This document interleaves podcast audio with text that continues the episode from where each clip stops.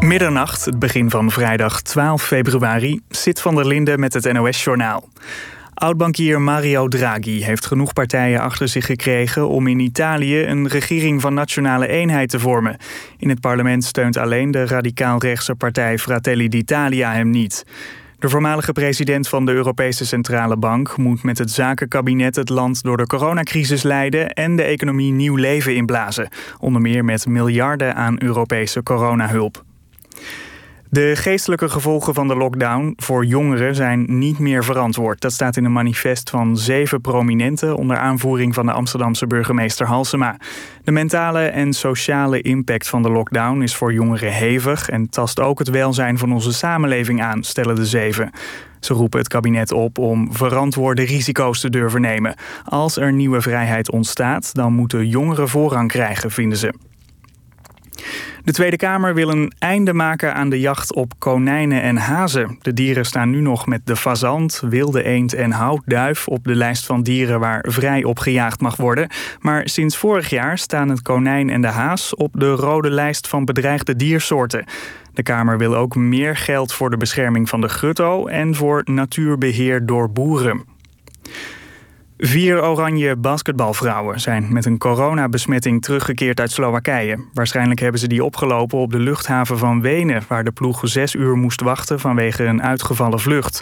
Drie speelsters hebben lichte klachten. Uit voorzorg zijn ook alle andere speelsters en stafleden in thuisquarantaine gegaan. De trip was al teleurstellend omdat Oranje zaterdag het EK misliep. Het weer nog. Het wordt een heldere nacht. De temperatuur zakt naar min 10 tot min 15 graden. Lokaal kan het mistig zijn. Morgen opnieuw veel zon. Het wordt zo'n min 2 graden bij een zwakke oostenwind. Ook in het weekend is het vrij zonnig en zeer koud. Dit was het NOS Journaal. NPO Radio 1. VPRO. Nooit meer slapen.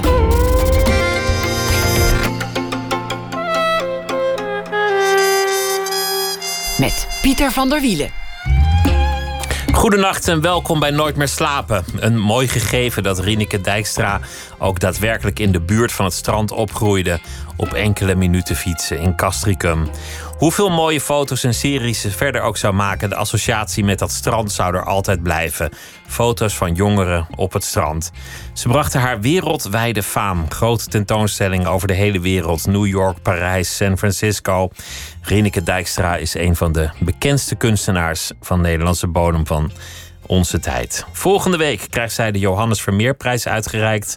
Een van de mooiste prijzen die een Nederlands kunstenaar kan krijgen. En daarmee treedt ze toe in de galerij van hele grote van ons moment. Erwin Olaf, Janine Jansen, Rem Koolhaas, Ivo van Hoven. Dat soort mensen gingen haar voor. Johannes Vermeer. Je zou zomaar een verwantschap kunnen zien tussen de meester van het alledaagse en zijn melkmeisje en het werk van Rieneke Dijkstra.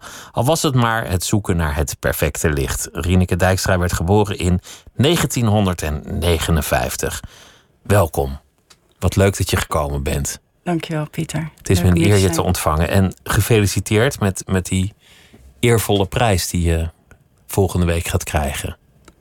Ja, nou ja, ik ben natuurlijk echt super trots en heel erg blij. En ook ja, heel erg vereerd.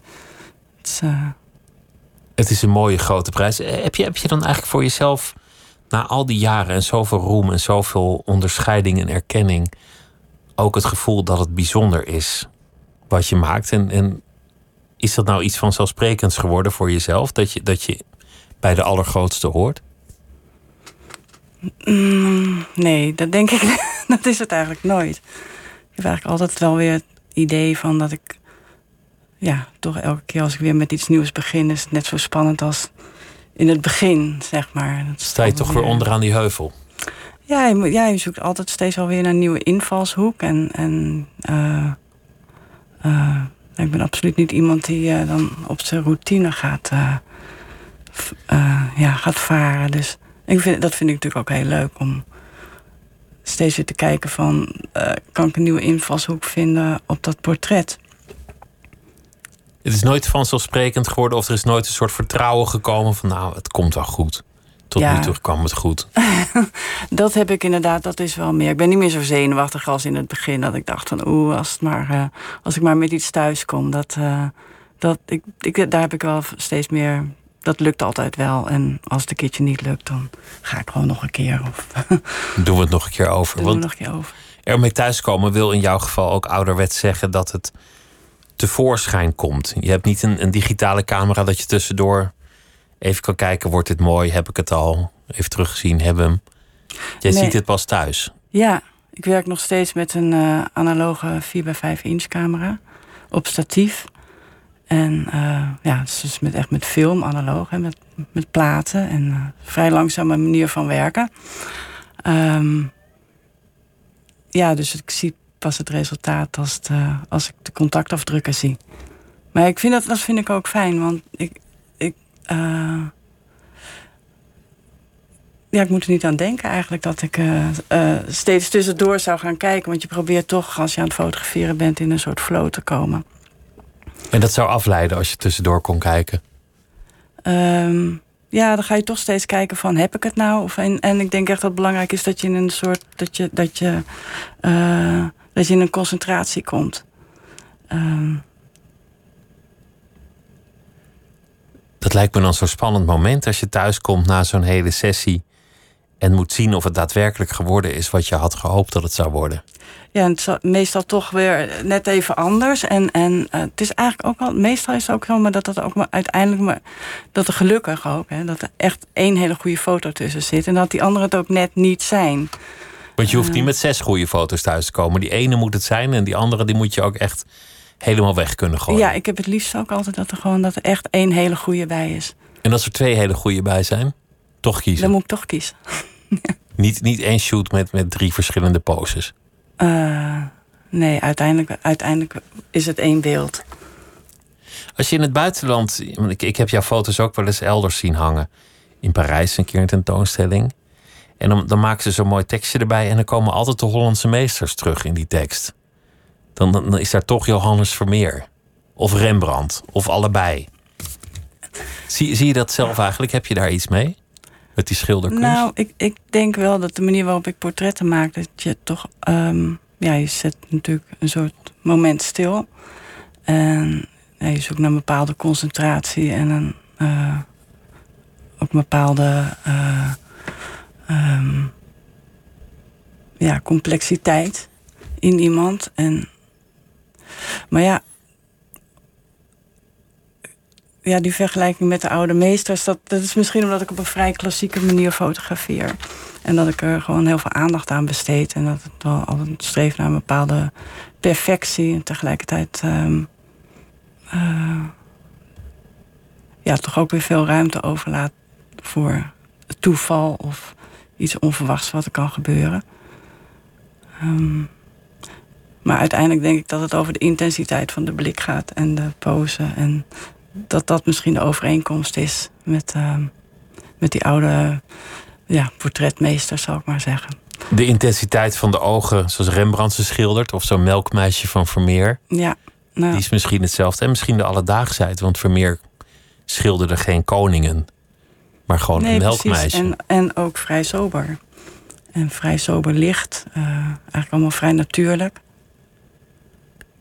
Ehm, ja, ik, wat ik zelf altijd fantastisch vind aan als je naar het Rijksmuseum gaat en, of naar Metropolitan en je ziet de portret van Rembrandt, is dat je altijd het gevoel hebt van dat je iemand ontmoet als je naar zo'n portret kijkt. Er zit een soort levendigheid in en een soort levensechtheid. Eh, ja, is niet te evenaren. Rembrandt is daar zo ongelooflijk goed in. En ik vind het ongelooflijk, want ja, ook zijn techniek natuurlijk, hoe hij dat doet. Dat die complexiteit weet te vangen, maar ook juist dat ene moment. ehm, en eh, ja, hij moet toch wel een enorm inlevingsvermogen hebben. En eh, ja, hij gewoon ongelooflijk eh, scherp observatievermogen. Echte empathie, proberen echt iemand te vatten, te leren kennen op dat moment. Ja, en ook de, inderdaad, wat ik al zeg, de complexiteit te laten zien. Dus niet de eenduidigheid. Maar ik denk dat die portretten daarom ook zo goed zijn. Je kan er naar blijven kijken. Dat is bij jouw foto's ook. Je ziet meteen een deel van iemands geschiedenis. Ja, Het passeren van de tijd. Ja. Ehm, ik denk ook altijd dat ik. ehm, als ik foto maak, dat ik zelf ook nooit precies weet wat er, wat gaat, wat er gaat gebeuren. En eh, dat dat observeren is natuurlijk wel een heel belangrijk element ook. Dus ik ga altijd eh, uit van, eh, van die mensen. Ehm, dus ik regisseer niet echt. Ik, ik, ik, ik, geef al, ik probeer gewoon dat eruit te halen wat in hun zit. Maar ik probeer ze niet iemand anders te laten zijn dan wie ze zijn. Je geeft geen aanwijzingen, je, Ik je, stelt geen vragen. Ja, nou, weet je, je kletst wat. En, maar ik probeer zoveel, zo goed mogelijk te kijken. Maar omdat hij door die langzame manier van werken... ehm, hè, die technische camera, je moet elke keer een plaat in doen. Je moet het diafragma instellen, je moet scherp stellen. En dan precies de omgekeerde volgorde. Maar ehm, dat neemt gewoon tijd met zich mee. En, en, ja, en een bepaalde concentratie. Dat, dat- die, die manier van werken vraagt heel veel concentratie van zowel mij als degene die geportretteerd wordt. Maar ja, ik moet met mijn concentratie hun er eigenlijk bij halen. En ehm, ja, dat, is, dat, dat vind ik altijd heel bijzonder. Dat dat, dat het ook altijd wel lukt. Ehm, Om dat moment te creëren dat je iemand even echt kan zien. ja, dat iemand gewoon in een soort. eh, dat je zo eh, geconcentreerd bent. eh, en tegelijkertijd ook zoek je naar die ontspanning en naar diegene die zoals die echt is. Eh, en ja, ik vind het altijd wel. Dat, iemand moet zich daar ook een beetje aan overgeven. Er moet een soort vertrouwen zijn. En ja, het is, het, is bijzonder dat dat, dat dat toch steeds wel weer gebeurt. Ik, ik zoek natuurlijk altijd naar een soort echtheid, naar iets wat. ehm, eh, maar iemand moet je ook vertrouwen. Ehm, We- weet je wat ik zo bijzonder vind? Dat, dat als je een persoon ziet. Laten we uitgaan van een bekend persoon, Willem-Alexander. Dat je aan de foto meteen kan zien wie de portretfotograaf is. Als het een portretfotograaf is die, die zijn stijl heeft ontwikkeld en die, die daar iets van zichzelf inlegt. De persoon is hetzelfde, misschien het decor ook wel. En toch zie je meteen, oh ja, dit is een foto van Rieneke Dijkstra. Oh ja, deze is van Erwin Olaf. Je weet het gewoon, Ja. meteen. ja, er zit natuurlijk ook heel veel van de fotograaf in, want die kijkt naar die persoon. Eh,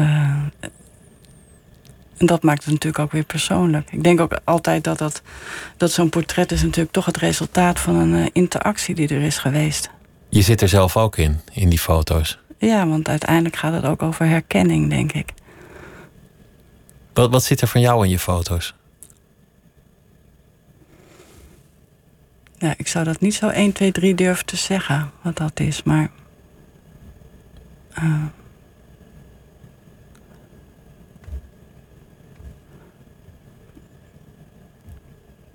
misschien een soort ingetogenheid. eh. het is heel. Want ik. Ja, ik, eh, dat weet ik niet. Het is jouw blik. Het is, het is jouw kijk op, op iemand. Die, die ingetogenheid, is dat, is dat eigenlijk de karaktertrek die jou uiteindelijk naar de fotografie heeft gebracht? Het is me opgevallen bij veel interviews met fotografen dat het vaak mensen zijn die iets te doen willen hebben of die, liever door een lens kijken dan iemand rechtstreeks aan te kijken. Dat soms verlegenheid wordt overwonnen omdat je met een camera wel ineens alles kan. ja.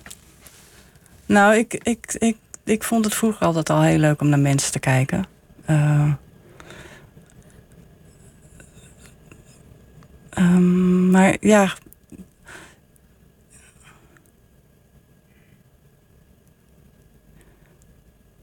Had je toen al een camera? Nee, Of had je vader een was zonder camera? camera. Ja, mijn ouders hadden een camera die, eh, die fotografeerde veel. Ehm, maar ja, dat waren gewoon kiekjes. Dus dat eh, was wel wat anders. Mocht jij die camera dan zomaar pakken of, of, of had je die neiging niet? Eh, nee, nee, nee, nee, daar mocht ik niet aankomen. nee, die was van hun. Ehm, nee, ik, ik, ik, op een gegeven moment had ik wel mijn eigen cameraatje natuurlijk. Zo'n zo'n Kodak eh Instamatic, Kodak Klik, Klik. Ja, ik weet niet meer precies hoe dat heette. Oh, dat waren best aardige dingen. Nou, er kwamen van die vierkante foto's uit, weet je wel. Dat Ja. was, van die hele kleine negatieven. Eh, maar ja, goed, het is natuurlijk altijd wat ik altijd meteen al leuk vond. Is dat je gewoon zo door een kader heen kijkt. En dat je de wereld gewoon vreemd. En dat je het al eigenlijk gewoon een soort eigen wereld schept. Door alleen al gewoon dat dat kader natuurlijk, dat je dat Hè, dat is dan de wereld? Dat is dan de wereld, ja. Daar zit, dat zit dan in die camera. Uh, dus uh, ja, je vreemdt hem eigenlijk, letterlijk. En dan even heb je je eigen wereld gecreëerd. Jouw, jouw blik houdt daarop. Ja, Rechts, links, ja. boven, onder. Ja.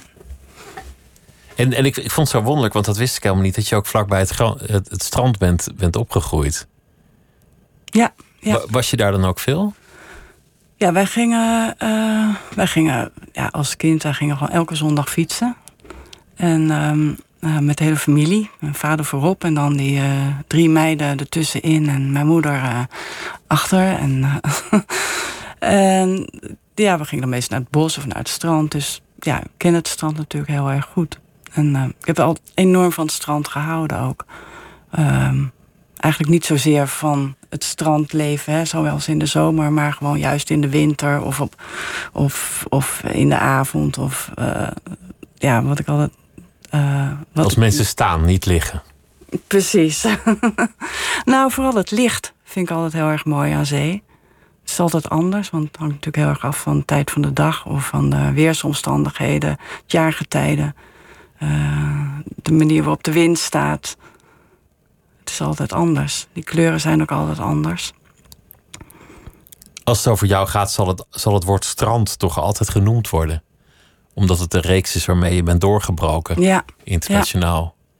Dus je, zult altijd toch een strandmeisje blijven. in essentie.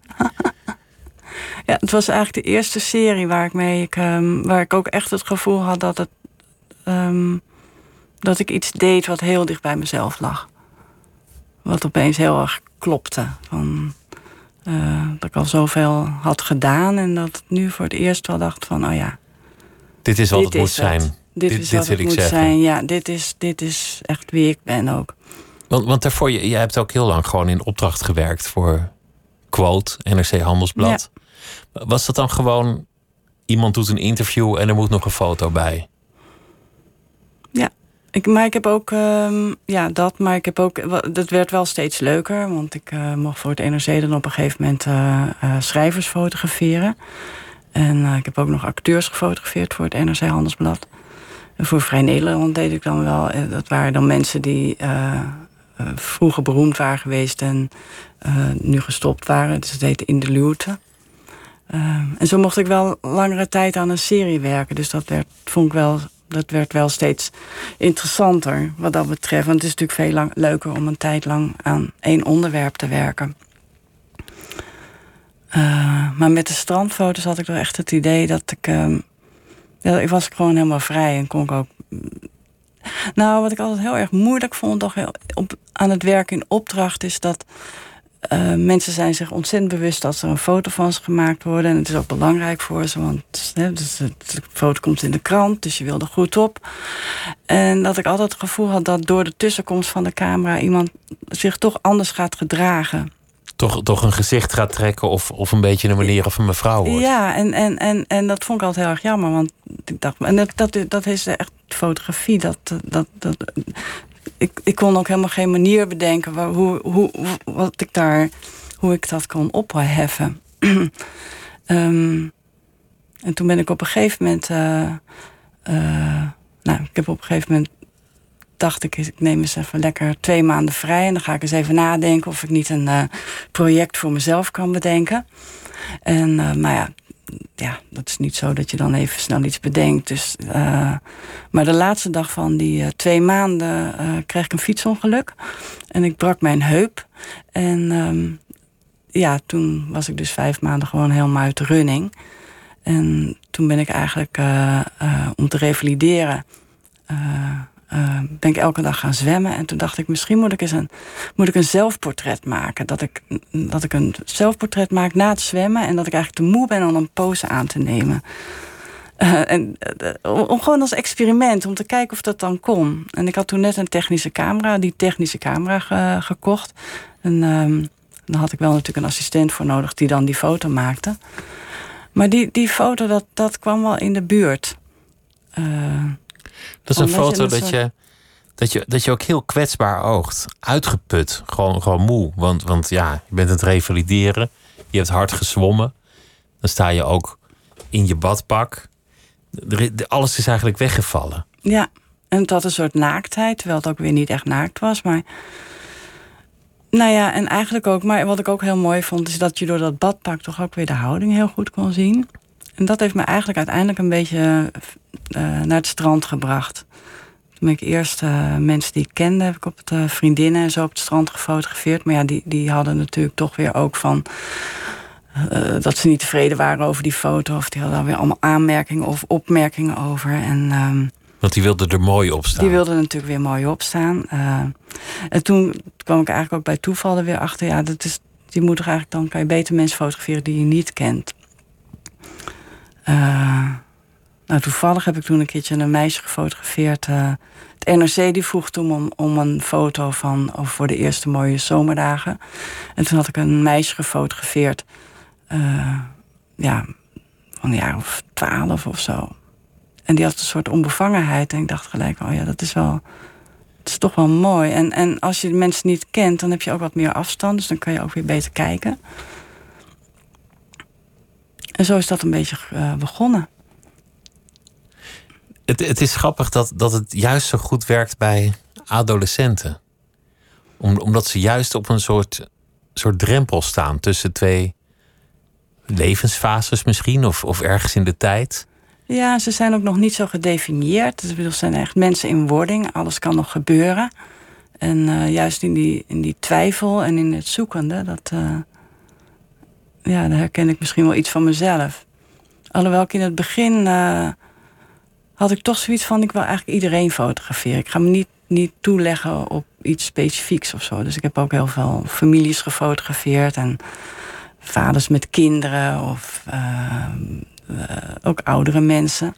Maar uiteindelijk vond ik dan toch dat die, dat die, dat die jongeren en die kinderen ja, het meest onbevangen waren. En ja, wat ik al zei, zo dat, dat, dat, um, dat zoeken naar een houding, dat zoekende en dat het, dat het ja, dat het een soort, een soort, een soort beweging in. Dus het ging eigenlijk helemaal niet om die puberteit, maar meer om die beweging die erin zat. Die, die beweging die je voelde in die mensen van, van het ene moment naar het andere. Eigenlijk is die beweging het verstrijken van de tijd door een persoon heen. Precies, ja. Dat alles nog niet vast ligt ook. Je hebt, je hebt ook foto, een foto of, of meerdere foto's gemaakt, maar eentje is mij bijzonder bijgebleven van een vrouw die net een, een kind heeft gebaard. En die met dat pasgeboren babytje poseert. En je ziet dan alles. Het is een beetje vergelijkbaar met die foto die je van jezelf maakte na, na het zwemmen dat ze strijd heeft geleverd. Ja. En dat, ja, als je dan poseert, dan denk je, nou, die foto kan er ook nog wel bij. Ik ga niet nu uh, mijn mooiste gezicht opzetten, want ik heb net een, een, kind gebaard. Die foto, ach jong, hoe belangrijk is het? En, en je ziet zoveel aan, aan die vrouw op dat moment. Ja, ja wat, ik, ik wilde kijken eigenlijk of het uh, mogelijk... Ik was bij de geboorte van een... Uh, toen mijn beste vriendin haar tweede kind werd geboren, was ik daar toevallig bij. Um, en ik, weet, ik, ik vond het gewoon een heel mooi emotioneel moment op het moment dat, dat die baby daar was. Dat ze dan, want was dan, ik was er de hele dag bij geweest.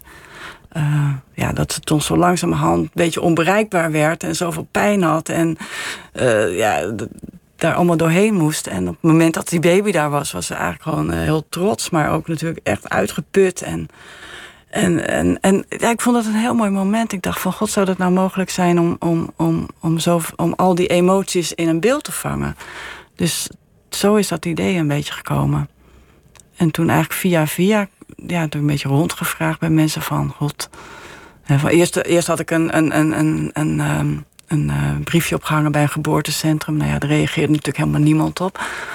Dus het moest wel mensen uit mijn directe omgeving zijn, waar het uiteindelijk die ik niet per se kende, maar een zus van iemand of iemand, uh, een vriend van een vriend. Want als je ze te goed kent, dan maak je die foto niet meer. En als je ze niet kent, dan laat ze je niet toe. Dus je moest ergens in dat. Ja, precies. Ja, in, ja, in dat, dat is toch een heel mooi. Nou ja, en het, ik heb ook toen ik daarmee begon, heb ik ook gezegd tegen al die vrouwen. Het waren er maar drie uiteindelijk. Van nou, het is weet je, ik zie het als een experiment. En als jij ziet, als je, als je nou die foto's ziet en je denkt van nou nee, absoluut niet dat, dat je dat mag gebruiken, dan, dan begrijp ik dat natuurlijk. Dus dan, dan doen we dat niet. Maar uh, ja, ik vond het wel heel bijzonder. Want nou ja, ik had ze ook. Um, wel, toen ik dat ging fotograferen. Uh, ik wilde dat graag bij hun thuis doen. Maar ik wilde ook niet meteen dat het zo'n huiselijke situatie was. Dus ik wilde niet dat je, uh, dat je veel van hun interieur zag. Want dan dacht ik, ja, dan. dan, hè, dan dat leidt weer af. Dat leidt zo af, of dan gaat het zo specifiek over hun. Terwijl het ging mij heel, ging om iets veel abstracters, om die ervaring. Uh, dus ik, ja, ik moest af en toe wel een schilderijtje ergens weghalen. Of, uh, nou ja, ik heb altijd gewoon een witte wand ge, gekozen. op de een of andere manier voelde die vrouw achteraf wel dat het, dat het toch ging om. Um, um, die, die, die begreep dat abstracte idee van mij wel.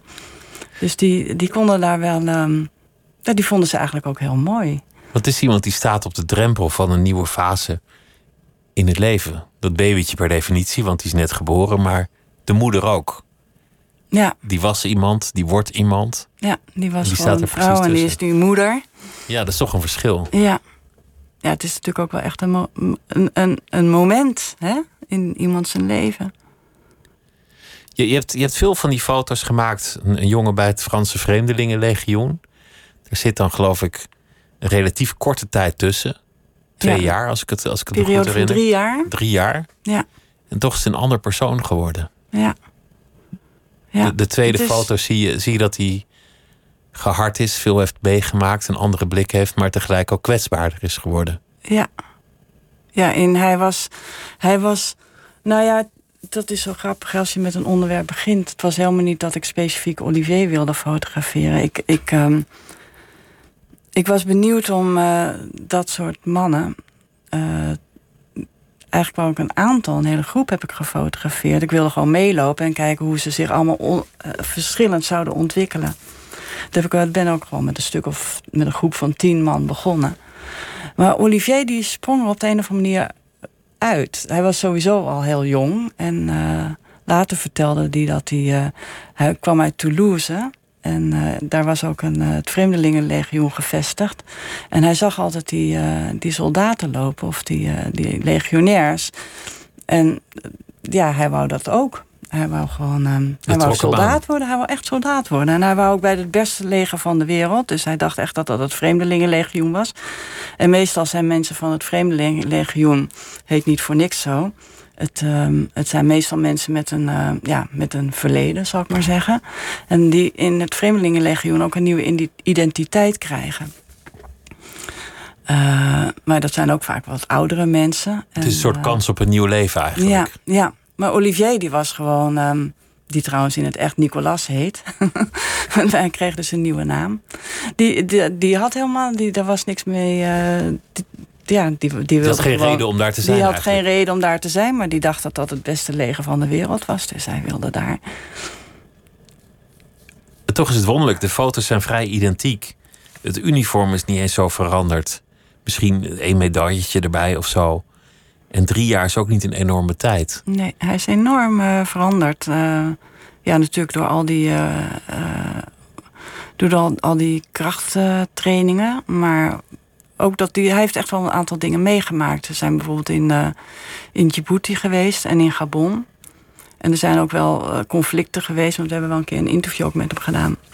Er zijn conflicten geweest en ehm, daar, daar hebben ze toen op een gegeven moment is er, zijn er wel dingen gebeurd waar hij gewoon zich helemaal niet mee kon verenigen. Dat, hij was het daar niet mee eens. Dus hij heeft zich daar ook wel tegen verzet op een bepaalde manier. En ehm, ja, dus dat zit misschien ook allemaal wel in dat portret.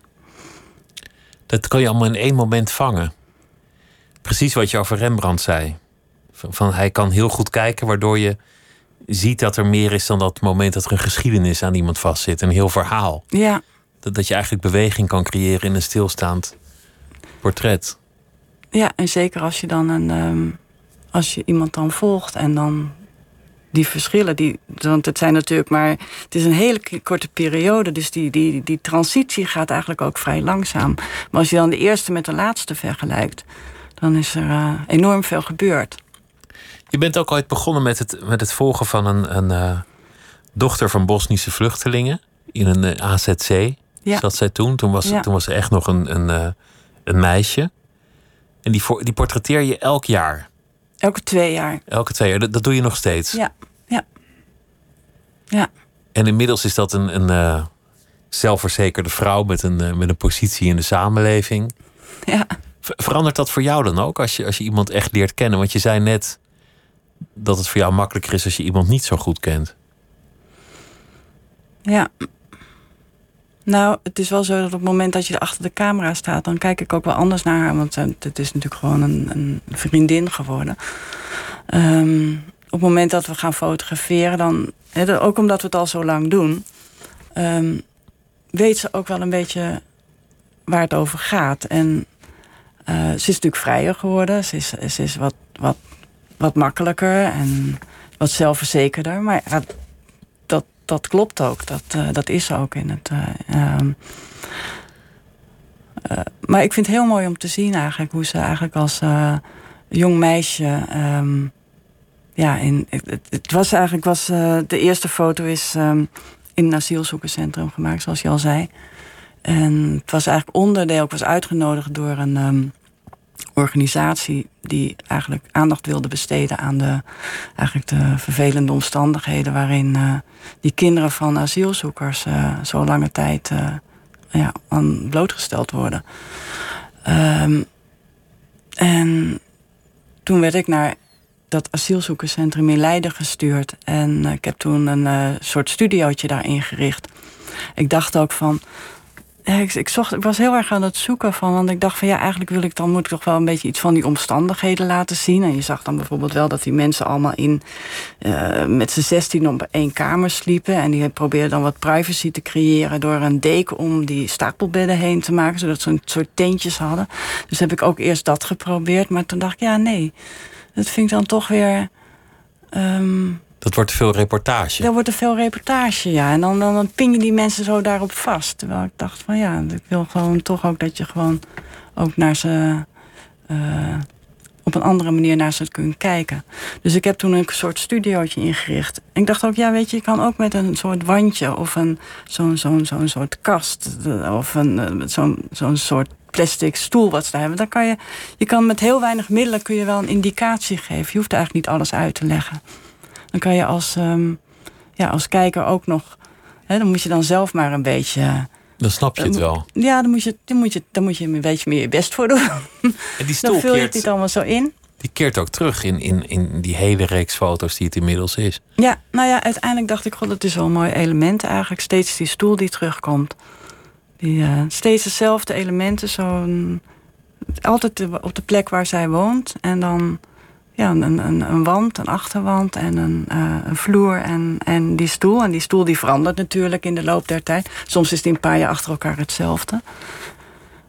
Ik had wel, wat ook wel bijzonder is van Almarissa... die was vanaf jongs af aan vond hij het leuk om steeds van uiterlijk te veranderen. Dus dan heeft weer. Hè, en, en ze was ook best wel modegevoelig.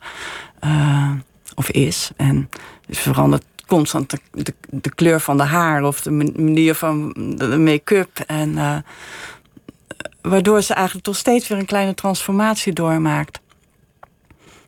Um, maar tegelijkertijd, ja, daar, je moet daar ook weer doorheen. Dus je wil het toch ook. En, en, en wat ik ook wel heel mooi vind, want ik heb er nu heel veel. Het zijn inmiddels geloof ik 15 foto's. Uh, op een gegeven moment heb ik een uh, boek gemaakt met Irma Boom. En toen dachten we, laten we die series door elkaar heen schudden. Dus laten we eens gewoon verschillende. Hè, laten we die uit 1994 eens naast die uit 2008 zetten. En uh, dat was eigenlijk heel leuk om te zien. Dat, gewoon, dat, dat je bepaalde dingen in haar karakter, van haar karakter juist kon uh, benadrukken. Of, door niet kijk, chronologisch te kijken. Ja, door niet chronologisch te kijken. En kijk, het is natuurlijk zoals met ieder mens. Soms had ze heel veel zin in om een foto te maken. Of ging het heel goed met haar. En dan, is ze gewoon, dan zie je ook dat ze heel blij is en gelukkig. En uh, contact met, uh, met je maakt. En, en soms was ze ook gewoon wat... ja, wat bedroefder of uh, er was er iets in de leven gebeurd. En uh, dat hoeft ook allemaal verder niet te weten. Maar dat zie je dan toch wel een beetje aan de houding. Dan is hij iets gelatener. En het is mooi om al die verschillende dingen van een mens dan in zo'n serie... Door de tijd heen door te, de tijd te zien. te zien. Ze heeft inmiddels denk ik zelf kinderen, of niet? Ja, ze heeft er inmiddels drie. Dat, dat, lijkt, me, dat lijkt me een ingewikkelde uitdaging voor zo'n fotograaf die iemand volgt. Neem je dan ook die kinderen mee in dat volgen? Ga, gaat het nog een generatie verder? Nou, ik heb haar wel ik heb haar één keer gefotografeerd uh, met haar baby. Maar dan was het gewoon meer als moeder. Um, maar nee, ik heb altijd voor gekozen om haar toch alleen te fotograferen. Het zou kunnen. Voor wie net inschakelt, Rieneke Dijkstra zit tegenover mij. Ze heeft de Johannes Vermeerprijs gewonnen dit jaar. En uh, zij is een van de bekendste Nederlandse portretfotografen. En we hadden het over het uh, moment wat uiteindelijk je internationale doorbraak werd. Wat ook het moment was dat je voor het eerst dacht... ik ga het echt op mijn manier doen. Niet in opdracht werken, niet weer ergens naartoe gaan... om een foto bij een interview te maken. Maar eens kijken of het me lukt om die camera als het ware te laten verdwijnen. Dat hij niet tussen jou en de geportretteerde instaat. En dat iemand zich niet bewust is van die camera, maar dat je echt dicht bij iemands karakter kan komen. Dat je, dat je echt kan laten zien waar iemand zich bevindt. Dat je iemands verhaal kan vertellen. En het is zo wonderlijk dat je dat één keer doet, zonder compromis doen wat je echt zelf wil. En dat het meteen zo aanslaat. Ja. Je, je, had, je had het ook niet kunnen doen. Werd je gefrustreerd toen je nog in, in opdracht werkte? Was, was het iets wat je echt dwars zat? Werd je ongelukkig van? Ja, ik, nou weet je, het is sowieso. Ik, vond, ik heb er enorm veel van geleerd, moet ik zeggen. Je leer, je, ja, je, weet je, als je, ik kwam net van de academie af, van de kunstacademie van de Rietveld. En uh, het is gewoon eigenlijk gewoon een hele goede manier om te beginnen. je moet nog zoveel leren. Je moet ook leren om met mensen om te gaan. Je weet ook niet precies meteen wat je allemaal wil. Dus uiteindelijk eh, heb ik daar ook helemaal geen spijt van. Het was nodig. Het was nodig. Het was echt nodig. Wie heeft jou eigenlijk ooit op het pad van de portretfotografie gezet? was nou, dat wat je meteen deed toen je, toen je zelf ging fotograferen? Nou, wel vrij snel. Ik moet zeggen, ik, uh, toen ik naar Amsterdam ging... ik zat eerst op de leraaropleiding... heb ik handvaardigheid en uh, textiele werkvormen gedaan. En ondertussen ja, had ik een vriendje en die fotografeerde. Dat vond ik eigenlijk ook wel leuk. En uh, toen had je cursussen in de Moor, dat was in Amsterdam.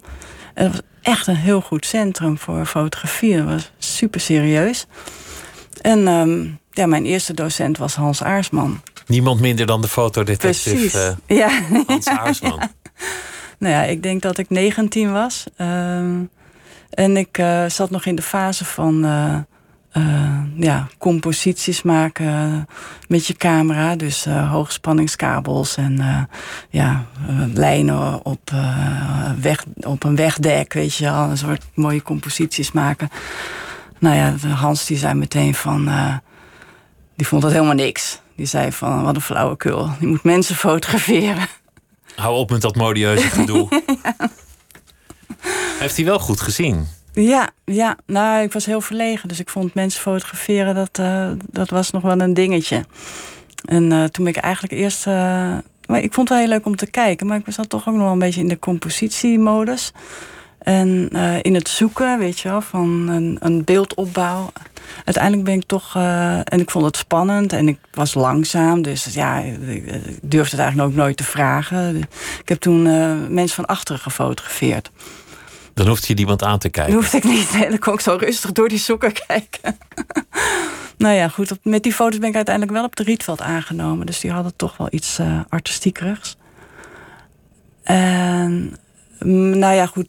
Op een gegeven moment had ik ook in de Moor weer... want ik zat inmiddels al op de... Nee, ik zat nog niet op de Rietveld. Ik zat nog op de Moor. En toen ging ik met uh, Witte Lely, waar ik toen op zat... Uh, de leraaropleiding, gingen we op werkweek naar Rome... En toen had ik les van Corrie Noorderbos in de Moor. En die zei van... Nou, dan moet je toch echt proberen om als mensen van voren te fotograferen. Je kunt het, weet je Je moet het gewoon doen. En uh, nou, toen ben ik dat gaan doen. En uh, eigenlijk een beetje reportageachtige foto's. Maar uh, ook echt wel hè, van foto maken en snel wegrennen. Dat nog wel. Maar dat moet je dus echt leren. En je zei, ik, ik ben traag. Het grappige is dat, dat, je, dat je heel traag en juist helemaal niet traag bent.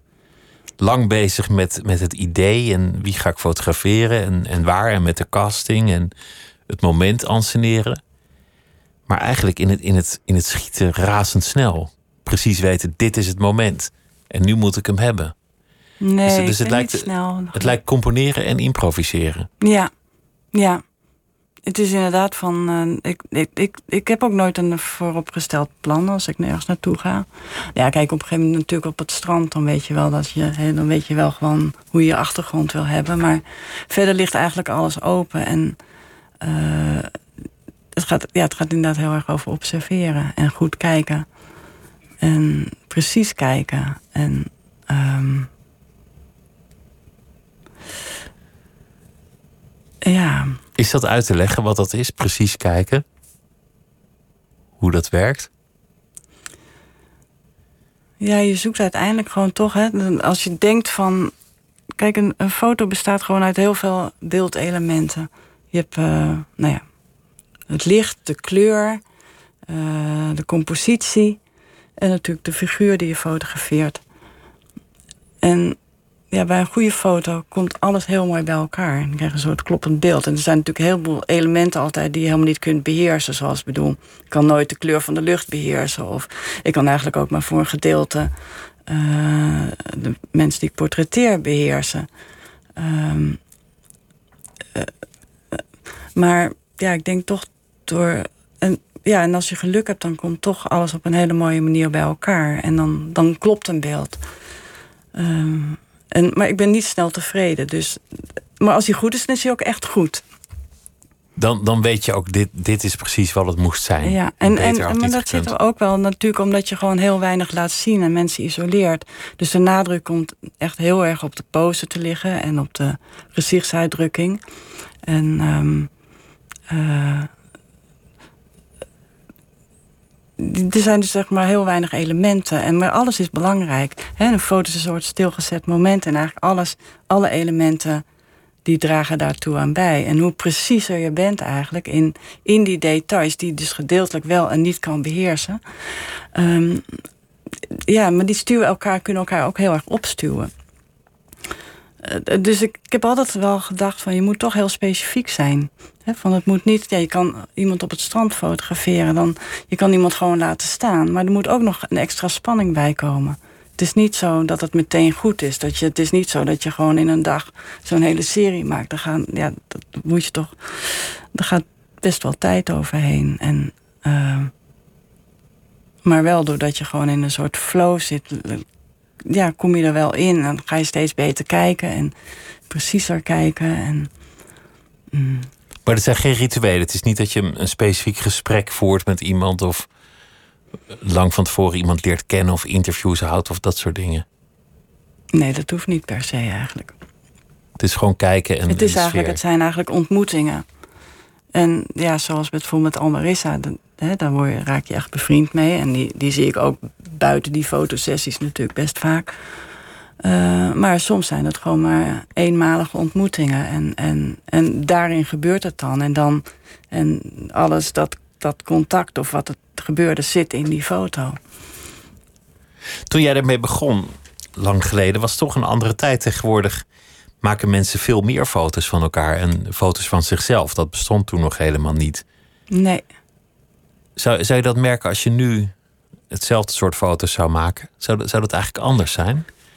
Nou, je hebt wel het gevoel dat mensen zich uh, uh, misschien bewuster zijn van, van hun, hoe ze zich willen presenteren. Uh, maar aan de andere kant merk ik ook toch wel steeds dat door mijn camera dat, dat mensen wel meteen begrijpen, maar dat is wel iets anders dan wat ik met mijn mobiele telefoon doe. Dit is geen duckface moment. Nee, het is wel, het is ook gewoon wel. En, en dat gek genoeg kunnen mensen dat dan toch ook wel weer accepteren ze dat ook? Dat die rust er toch ineens kan ja, zijn. En het is misschien ook wel, ja, met die precisie waar we het over hadden. Misschien ook wel een soort aandacht die je voor iets hebt. van een, een, een, lang kijken naar iets. Of wat in een foto. En mijn foto is altijd een fractie van een seconde is die gemaakt. Maar uiteindelijk als het beeld er is, dan kan je er natuurlijk heel lang naar kijken. En, en, en ik denk, als, hoe, meer aandacht je eraan besteedt... Ehm, ook later, weet je wel, met de afwerking en de kleur en het afdrukken. En juist in die precisie en, en ook heel zorgvuldig selecteren in welk beeld uiteindelijk goed is. Uh, ja, dat dat, dat, dat ook, hè, dan, uh, dan neem je je toeschouwer wel serieus. Dan, uh, ja, dan geef je ook echt iets. Uh, en ik denk ook wel dat je dat, dat, je, dat je dat voelt. Dat je naar iets, misschien iets heel gewoons kijkt, maar dat het tegelijkertijd ook bijzonder is. Niet zomaar een, een, een snapshot. Je, je, maakt ook, ook film. Je hebt vrij recent een installatie gemaakt voor het Rijksmuseum. Uh, dat, dat ging over de, de toeschouwers van de nachtwacht. Het is eigenlijk de gedachte dat je als het ware met je rug naar de nachtwacht staat, wat je normaal niet zou doen. En niet kijkt naar het doek zelf, maar naar de mensen die naar het doek kijken en hun verhalen. En je hebt dat vanuit verschillende perspectieven gesneden. En uh, het, het, het, bijzondere is dat ik toen ik dat ding mocht bekijken van het Rijksmuseum, had ik heel eventjes ook de galerij bijna voor mezelf. Althans met heel weinig mensen minder dan anders. En ik realiseerde me dat ik altijd meer naar de mensen bij de nachtwacht had gekeken dan naar het doek zelf. Dus die gelegenheid was er ook meteen. Maar de nachtwacht gaat natuurlijk eigenlijk ook over een groepsproces. Het is geen statige groepsfoto waarin iedereen netjes staat, zoals veel anderen die maakten. Maar het gaat eigenlijk over nou ja, dat het een zootje ongeregeld is, wat daar de stad moet beschermen. Ja. Er wordt volgens mij zelfs ergens in een hoek, weet ik niet zeker, geschoten. Of dan dat zou je erin kunnen zien. Ja, er zit het hele verhaal, dat is ook wel weer leuk. Want ik wist ook niet zoveel van de nachtwacht. Maar ik ben toen, uh, toen ik daarmee begon, dacht ik ga eerst maar eens meelopen met wat rondleiders. Om daar wat meer over te weten te komen. Maar dat is dat, dat uh, in de, wat je op de achtergrond ziet, dat is het, um, het, uh, um, ja, het proces van het musketschieten, geloof ik. En dan zie je dus één iemand, zie je het, dat is een klein jongetje met een zakje, die heeft dan het kruid bij zich. En dan iemand vult het geweer en dan geeft hij hem aan iemand anders. En die schiet dan. En dan zie je nog dat, ruik, dat rookwolkje. En van dat schieten, dus dat is eigenlijk een soort stripverhaaltje in, op de achtergrond van dat schilderij. Want je ziet op de, voorkant, op de voorgrond zie je die Frans Banning Kok en die, uh, weet je ook weer, die van Ruiten. Dat weet ik ook niet meer nou precies. Ja. Um, maar, maar dat is eigenlijk wel mooi, want als je in een groep bent waar geschoten wordt, dan, dan is het meteen geen rustige gelegenheid meer. Precies, en je ziet dan die hond, die schrikt daar ook van. Er zit een hond in het schilderij, ik heb het heel goed bestudeerd. er zit een hond en die, die, die, die, die, die, die lijkt te schrikken van die knal. Um, verder is er nog een, een, een klein meisje met een uh, soort, uh, lijkt wel een engeltje. Die heeft een, een, een kip aan haar gordel. En dat staat dan weer symbool voor de kloveniers. Uh, want het is de gilde van de kloveniers. Dus die kip, die klauwen, hè, de klauwen van die kip, die staan symbool voor, uh, voor die groep musk, uh, ja, die groep. voor ja. wie eigenlijk geportretteerd worden, ja, voor de schutters. Voor de schutters. En, en, en toen ben jij mensen gaan portretteren die met elkaar praten over dat doek, de, de toeschouwers als het ware. Dat is vrij ander werk dan, dan het werk dat we tot nu toe hebben besproken, de echte portretfotografie. Maar, maar je hebt iets soortgelijks ook al eens gedaan met een, een doek van Picasso. Mm -hmm. Dit lijkt me een heel ander métier. Of is dat uiteindelijk voor jou toch hetzelfde? Nou, wat ik heel leuk vind van video is dat je. Um, ja, je krijgt opeens een aantal uh, extra elementen je hebt de, het geluid natuurlijk. En uh, beweging. En later nog eens een keertje de edit. Dus je kunt eigenlijk veel meer vertellen nog dan... Het heeft veel meer mogelijkheden nog. Uh, nou, ja, daardoor... Ja, dat biedt allemaal weer nieuwe perspectieven. En ik had inderdaad in um, Liverpool heb ik een film gemaakt in Tate Liverpool. Een driekanaals film van een groep kinderen van 12 jaar schoolkinderen in een uniform die over uh, uh, de huilende vrouw, de weeping woman van Picasso praten. En die doen dat allemaal heel erg vanuit hun eigen perspectief. En die groep, ja, dat zijn, ik geloof dat het tien kinderen zijn. Ehm, en die zijn heel verschillend van elkaar.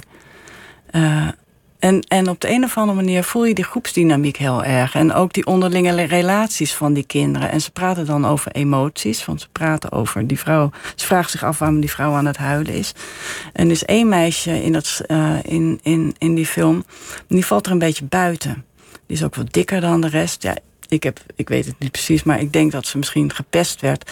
En zij is eigenlijk de enige die zich echt kan verplaatsen in die huilende vrouw die zegt ook steeds van ja, maar ze is gewoon verdrietig. Terwijl die andere kinderen, die, uh, die jongetjes, die zeggen dan, nou, misschien was ze wel uh, op een bruiloft en toen heeft ze taart gestolen en toen kreeg ze daar weer spijt van. ja, weet je, de tolle. Uh, heel mooi hoe je dan door zo'n, doordat ze allemaal naar datzelfde ding kijken, dan allemaal vanuit hun eigen perspectief, um, ja, weer zichzelf laten zien. Maar tegelijkertijd dat je al die individuen ziet, zie je ook nog die groepsdynamiek. En dat was bij, bij de Rembrandt eigenlijk ook zo. Ja. Een, een, een Japanse zakenvereniging die, die het meteen over macht en verhoudingen en orde en tucht hadden. Ja, precies. En over hoe je de nachtwacht zou kunnen exploiteren uh, als toeristische trekpleister. Alsof dat nog niet gebeurt, maar goed. ja, precies. Dat is natuurlijk al zo. Nou, zij had het idee dat je het misschien ergens neer kon zetten in Japan. En dan dat ze de, de gaten voor de hoofden eruit konden snijden. Zodat je, zodat je leuke Instagram-foto's kon maken. Goed idee. maar, uh, nou ja, het idee was eigenlijk. Uh, dus toen, de, uh, toen het Rijksmuseum mij had uitgenodigd om iets met de nachtwacht te doen. Toen dacht ik eigenlijk wel gelijk aan een video. Omdat ik toen ik de kinderen had gefilmd in Liverpool, had ik altijd gezegd: God, het zou het leuk zijn om het eens met verschillende groepen te doen. En nou ja, de nachtwacht is natuurlijk zelf ook een groepsportret. Dus wat is mooier dan allemaal verschillende groepen naar. Het gaat uh, over beweging ook ja, en chaos. Ja, ja. En gebrek aan hiërarchie eigenlijk. Precies, ja. Want, want Rembrandt laat heel stiekem zien, zo geordend is het allemaal niet en zo statig zijn die mensen allemaal niet. Het is een zooitje. Het is een zooitje. Is, is het voor jou ingewikkeld om, om in, die, in die wereld van de kunst, waarin je dan zoveel status en prestige krijgt toegekend, om, om jezelf te vernieuwen en om, om daarin vrij te zijn? Omdat het er eigenlijk mee begonnen is dat je, in opdracht werkte, een gevoel van tekortschieten had. En toen je echt dat ging doen wat je zelf wilde doen, toen kwam daarmee dat succes. Maar inmiddels is het, is natuurlijk ook zo dat mensen meteen een enorme verwachting hebben als jouw naam eraan vastzit. Ja, nou ja, ik heb wel steeds het gevoel dat elke keer als ik weer met iets begin, zoek ik wel weer, ja, probeer ik wel weer gewoon een, een, ja, een nieuwe invalshoek te zoeken. Ik vind het ook niet altijd makkelijk hoor, want ja, maar uh, ik vind ook wel weer, ik vind het ook spannend en uh, ik vertrouw er ook wel op dat je elke keer wel weer iets, iets tegenkomt van hè, wanneer een uh, iets nieuws wat je kan proberen. Een ruimte waar je dat experiment kan, kan opzoeken. Ja. Je, je hebt op dat strand ook ooit je, je ouders gefotografeerd. Ja. En dat, is, dat, is, dat is een foto die, die je nog steeds, las ik ergens, op je werkkamer hebt hangen. Ja, die hangt in mijn studio. Ja, ik, ik uh, dat was, ja, toen ik net begon met, met die strandfoto's, uh, ging ik eerst testen. En ik heb de allereerste testfoto was van mijn ouders. En uh, ja, die waren altijd heel erg lief. Die wilden altijd natuurlijk wel helpen. En ze staan er echt ontzettend leuk op. Ze staan. Uh, nou ja, ik heb het eigenlijk. Ik had die foto. Ik heb daar nooit wat mee gedaan. Maar ik kwam hem, kwam toevallig tegen bij het opruimen op een gegeven moment. En dacht van, het is eigenlijk een hele goede foto. En mijn moeder die was toen heel erg ziek. En mijn vader die was is eigenlijk een jaar na die. Na twee jaar nadat ik die foto heb gemaakt, is hij overleden. En onverwacht overleden ook. Ja, hartaanval, hartstilstand. Nou, mijn moeder is uh, twee jaar geleden overleden. Maar, dus die foto, dat was heel mooi eigenlijk dat ik dat die terugvond. En uh, ja, het is gewoon een hele... Hij is, ja, gewoon... Hij is heel lief, vooral. Ze zijn lief voor jou en lief voor elkaar. Ja, het is, het is een ja ze staan gearmd en uh, ze hebben op de een van de benen uh, de, de, benen op de een of andere manier zo, ja, je moet hem eigenlijk zien, gepositioneerd. Uh, wat hun verbondenheid eigenlijk uh, symboliseert. Maar niet op een hele nadrukkelijke manier, maar dat ze staan dan toevallig zo. En het, op die foto zie je dat, wat dat hun verbondenheid foto zie je was. dat, ja. Die, die foto is dan achteraf veel meer bijzonder gebleken dan je had kunnen vermoeden. Omdat, omdat je vader een jaar later er niet meer zou zijn. Ja, ja. Ja, en het is soms ook gek als je dan eh, in je archief gaat graven... dat je ineens dat tegenkomt. Dat is ook wel weer toch een mooi cadeau. Van, dat je, god, prachtig eigenlijk. Terwijl ik toen op dat moment... ja, was ik alleen maar bezig met het licht en uh, kijken nou, hoe ik het beste... Uh, hè, hoe, ja, wat voor licht ik moest gebruiken, wat, hoe ik ze in het vlak zou zetten. Dat, dat, is wel interessant, omdat je zei dat, dat jouw portretten gaan over het verstrijken van de tijd of het moment in de tijd waar iemand zich in bevindt. Maar die foto's die gaan inmiddels ook door de tijd heen. Ja, ik vind dat ook. Ik heb ook een video gemaakt van een. Uh, ook in Liverpool, uh, in een discotheek. Uh, en dat is nu, als je het nu ziet, is het heel gedateerd. En tegelijkertijd ook is het ook heel bijzonder om denk ik, oh ja, dat was, dat was echt de jaren negentig. En dat zeker in het clubleven, daar, waar dat allemaal, waar, die, waar, waar, dat, waar je heel erg de tijd voelt, de tijd waarin je leeft voelt. Dus als dat dan, als je dan iets nu kijkt, terugkijkt naar iets van 25 jaar geleden, voelt dat heel authentiek. Ik vind dat heel leuk. En, en, en het is een tijd geweest dat mensen daar niet naar konden kijken. Moesten iedereen heel erg lachen altijd. En nu is dat weer, vinden mensen het wel weer. Kunnen ze er wel weer naar kijken. Of kunnen ze zich wel weer toe verhouden. Foto's worden vaak beter met de jaren. Ja. Het voegt een dimensie toe. Ja. Aan dat werk. Dan heb je een soort afstand misschien toch. Dat je... En tegelijkertijd uh, is het blijkbaar toch ook iets universeels. Of iets wat niet verandert. Of uh, hoe mensen zijn. Of hoe... Uh, hoe ze toch hetzelfde blijven, uiteindelijk, ondanks alles. Er, er, zit ook nog een, een, een, mooi bedrag bij de Johannes Vermeerprijs. Wat, wat ga je daarmee doen? Is, heb je daar een speciaal project voor bedacht? Ja, nou, ik heb al iets bedacht. Ik weet nog niet precies of dat het wordt, maar... Nou ja, kijk, bij een traditioneel portret kijkt iedereen, kijken mensen in de lens. En ik heb ooit een video gemaakt in Liverpool ook weer. tegelijkertijd met I See a Woman Crying heb ik die gemaakt. Een meisje wat uh, zit op de grond, op de vloer... en die tekent uh, dat schilderij na. En de manier waarop ze zit, is het bijna een sculptuur. Ze zit daar met van die grote uks in haar uniform... en ze kijkt ze heel geconcentreerd kijkt ze naar dat schilderij... of naar de reproductie die ze aan het natekenen is... En er zit een hele mooie concentratie in. Maar ze kijkt dus niet, naar de, ze kijkt dus niet in de lens. Je ziet, haar, je ziet haar helemaal opgaan in haar bezigheid. En ik denk erover om portretten te maken waarin mensen dus een, in een ja, bepaalde manier een soort handeling doen. Of een, maar dat ze dus niet in de lens kijken, maar um, ja, dat ze helemaal opgaan in iets. En dat is dan meer een observatie. Als een soort sculpturen eigenlijk. Als een soort Rodin ja, figuur. Ja. Nou ja, ik moet nog, dat moet ik onderzoeken van wat ik precies zou kunnen doen. En of je dat dan met meerdere camera's doet of met één camera. Of, uh, maar dat is ook wel heel leuk om over na te denken. Wel interessant, omdat je het een drempel vond om mensen in het gezicht aan te kijken en niet van achter te portretteren. Om, om dan nu juist het andere weer aan te gaan. Ja, om meer een observatie. Maar kijk, het is natuurlijk nooit zo dat mensen niet. Uh, mensen weten natuurlijk altijd wel dat je ze. Hè, dat je ze filmt. Want ja, camera die. Uh, ik ga niet achter een zwarte doek zitten. maar ik vind het wel mooi om te zien hoe ze helemaal in iets kunnen opgaan. En dat ze dan. Dat het eigenlijk. Dat het misschien een nog realistischer portret oplevert. als ze even die camera vergeten toch weer dat thema van mensen de camera laten vergeten. Bij, bij, het authentieke komen. Ja. Dat er eigenlijk helemaal geen intermediair meer is. En dat de toeschouwer het toch kan bekijken. zichzelf zijn. Spannend. Ik wens je heel veel succes en ik wens je ook heel veel uh, plezier met uh, de Johannes Vermeerprijs. Uh, Dank je Dank wel. Rieneke Dijkstra. Het was me genoeg om, om met je te praten. Dank je wel. Dank. En dit was uh, Nooit meer slapen voor deze nacht. En uh, morgen dan zit op deze kruk uh, Lotje IJzermans. En zometeen kunt u luisteren naar Misha Blok als Miss Podcast. Dank voor het luisteren en een hele goede nacht.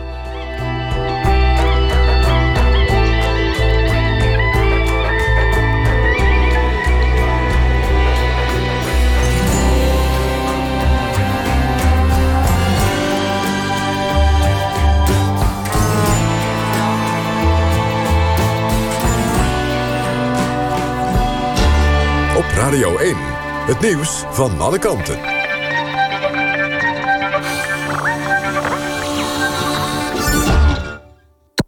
NPO Radio 1.